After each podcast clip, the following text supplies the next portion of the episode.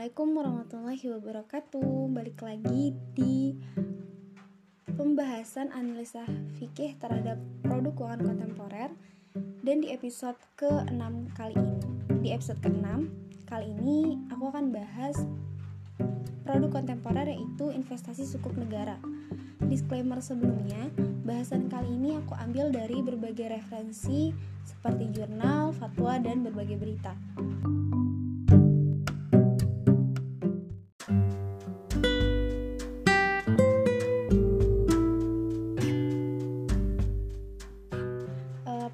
Semakin menarik diminati oleh investor muda berdasarkan catatan OJK hingga 30 Des Desember 2020 terdapat 3,88 juta investor yang di mana sebanyak 54,8% adalah investor milenial yaitu yang di bawah 30 tahun.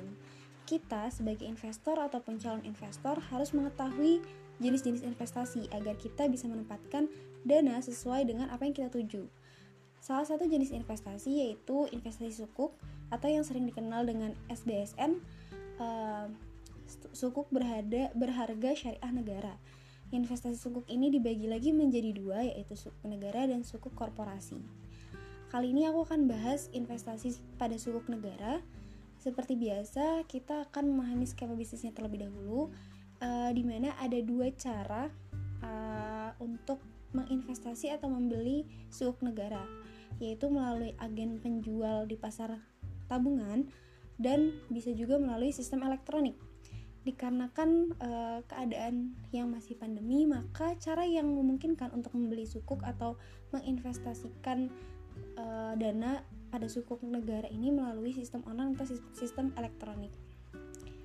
Di mana ada empat tahap dalam prosedur pembelian sukuk negara melalui sistem elektronik Tahapan pertama itu registrasi, di mana proses pendaftaran calon investor melalui sistem elektronik yang disediakan uh, oleh mitra distribusi dimulai dengan memasukkan data-data yang dibutuhkan antara lain ada data diri, nomor SID, nomor rekening dana, dan nomor rekening surat berharga. Apabila calon investor belum memiliki uh, data-data di atas, data-data yang tadi aku sebutkan, maka uh, mereka akan dibantu oleh MIDIS atau mitra distribusi. Nomor SID ini adalah uh, kode tunggal atau khusus yang diterbitkan oleh Kustodian Central Efek Indonesia atau sering disebut KSEI selaku lembaga penyimpanan dan penyelesaian. Uh, prosedur pembelian di tahap kedua ini itu pemesanan. Setelah registrasi berhasil, calon investor melakukan pemesanan uh, di mana sukuk negara ini terbagi lagi menjadi dua yaitu sukuk retail dan sukuk tabungan di mana calon investor harus membaca ketentuan dalam memorandum info informasi. Pemesanan ini hanya dapat dilakukan uh, pada saat penawaran. Tahap yang ketiga itu pembayaran. Setelah pemesanan diverifikasi, calon investor mendapatkan kode pembayaran melalui email atau SMS lalu kode pembayaran itu digunakan untuk penyetoran dana investasi melalui bank persepsi eh, dalam batas waktu yang telah ditentukan. Dan tahapan yang terakhir ada konfirmasi. Eh, setelah pembayaran, calon investor akan memperoleh NTPN atau nomor transaksi penerimaan negara dan notifikasi complete order serta akan memperoleh alokasi sukuk pada tanggal settlement atau penerbitan sebelum memulai menganalisa hukum fikihnya uh, kita juga harus pahami bahwa kegiatan ini apakah sudah memenuhi parameter kesesuaian syariah atau belum.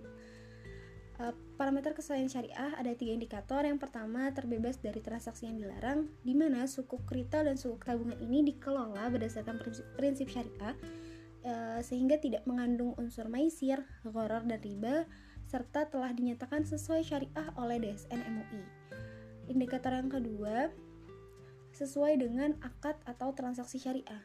Penerbitan suku retail e, menggunakan struktur akad ijarah dan penerbitan suku tabungan menggunakan akad wakalah.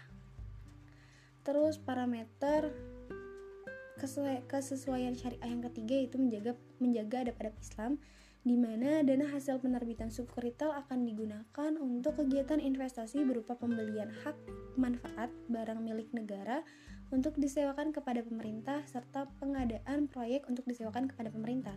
Sedangkan sukuk tabungan digunakan untuk membiayai proyek ramah lingkungan di lima sektor yaitu energi yang diterjangkau dan bersih, kerja yang layak, dan pertumbuhan ekonomi, industri, inovasi, dan infrastruktur.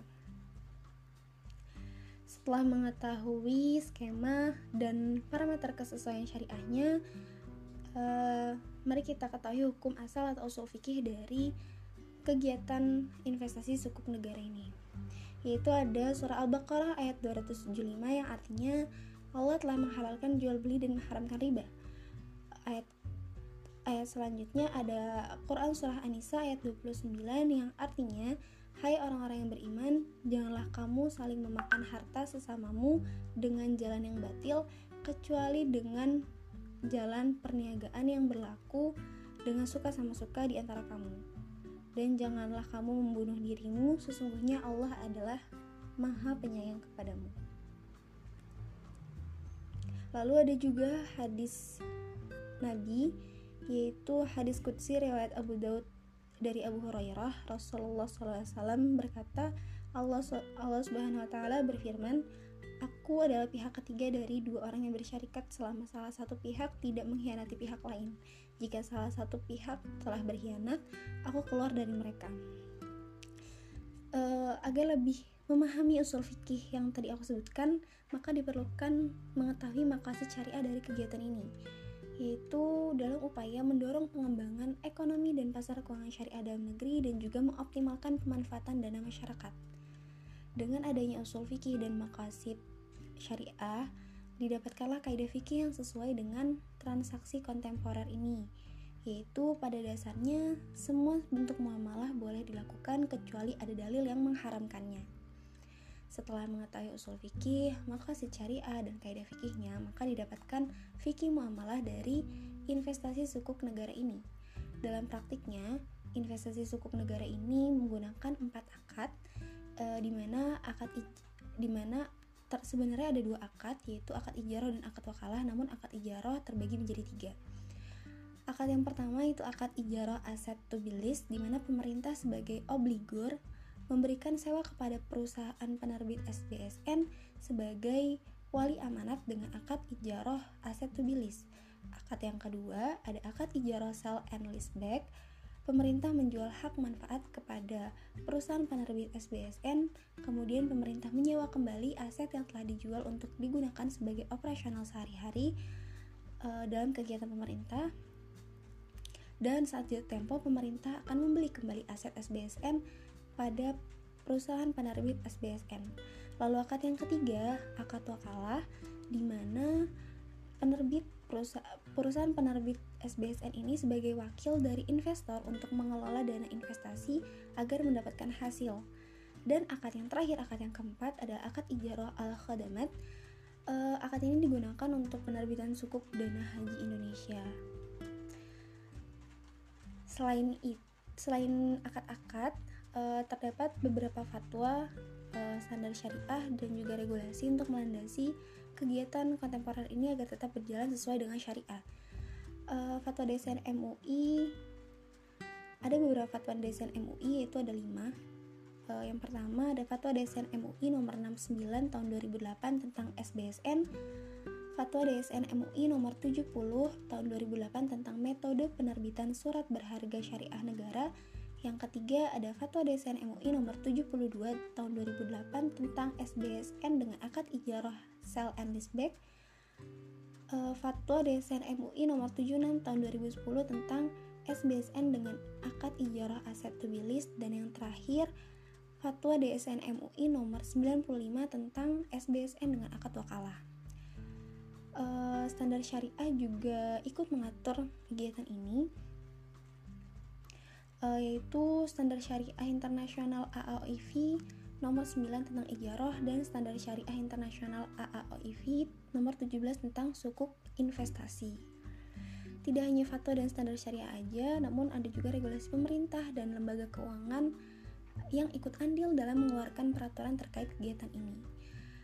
Uh, yang pertama ada POJK nomor 18 tahun 2015 tentang penerbitan dan persyaratan suku. Lalu ada peraturan peraturan Menteri Keuangan nomor 218 tahun 2008 tentang penerbitan dan penjualan SBSN di pasar perdana dalam negeri Lalu yang ketiga ada peraturan pemerintah nomor 56 tahun 2008 tentang perusahaan penerbit SBSN dan yang terakhir ada Undang-Undang nomor 19 tahun 2008 tentang SBSN. Eh, kegiatan investasi sukuk negara ini juga pernah menjadi pembahasan dalam jurnal-jurnal nasional dan internasional. Uh, salah satunya dalam jurnal dengan judul SBSN sebuah instrumen alternatif partisipasi publik dalam pembiayaan infrastruktur di mana uh, jurnal ini berisi uh, eh, jurnal ini menyatakan bahwa SBSN uh, project based sukuk atau sukuk proyek berpotensi untuk dikembangkan lebih lanjut sebagai instrumen alternatif pembiayaan infrastruktur di Indonesia. Selain itu, sukuk jenis ini memiliki potensi yang cukup besar untuk terus dikembangkan seiring dengan perkembangan pasar keuangan syariah di dalam negeri yang terus meningkat. Selain jurnal, ada juga pemberitaan terkait investasi sukuk negara. Hmm, salah satunya yang sudah disiarkan di media massa bareksa.com yaitu uh, dari berbagai aset investasi sukuk dari berbagai aset investasi keuangan, sukuk atau SBSN ini bisa menjadi pilihan bagi umat muslim dan mereka yang menyukai prinsip syariah. Namun masih aja ada kalangan yang meragukan kehalalan instrumen ini.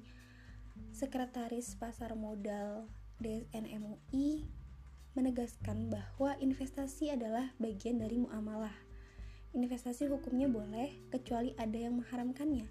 Kalau ada unsur haram, riba, judi, goror, atau tipu-tipu, maka investasi ini menjadi haram. Namun, kalau investasi ini bersih dari hal-hal yang dilarang, maka hukumnya boleh.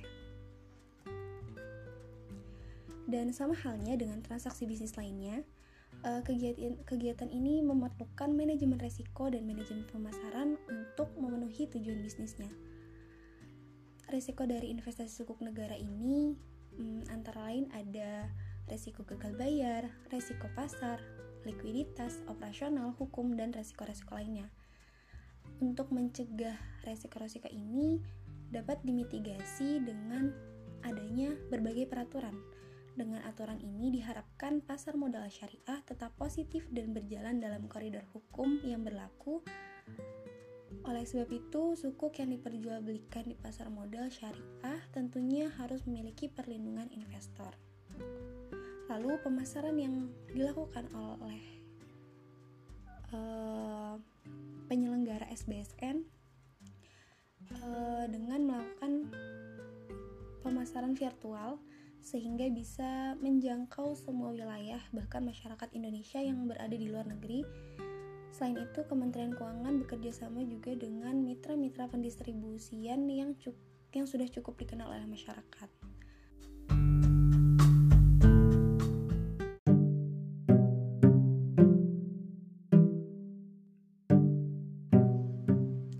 Sekian untuk episode kali ini. Wallahualam bisawab. Semoga bermanfaat. Sampai jumpa di episode selanjutnya. Wassalamualaikum warahmatullahi wabarakatuh.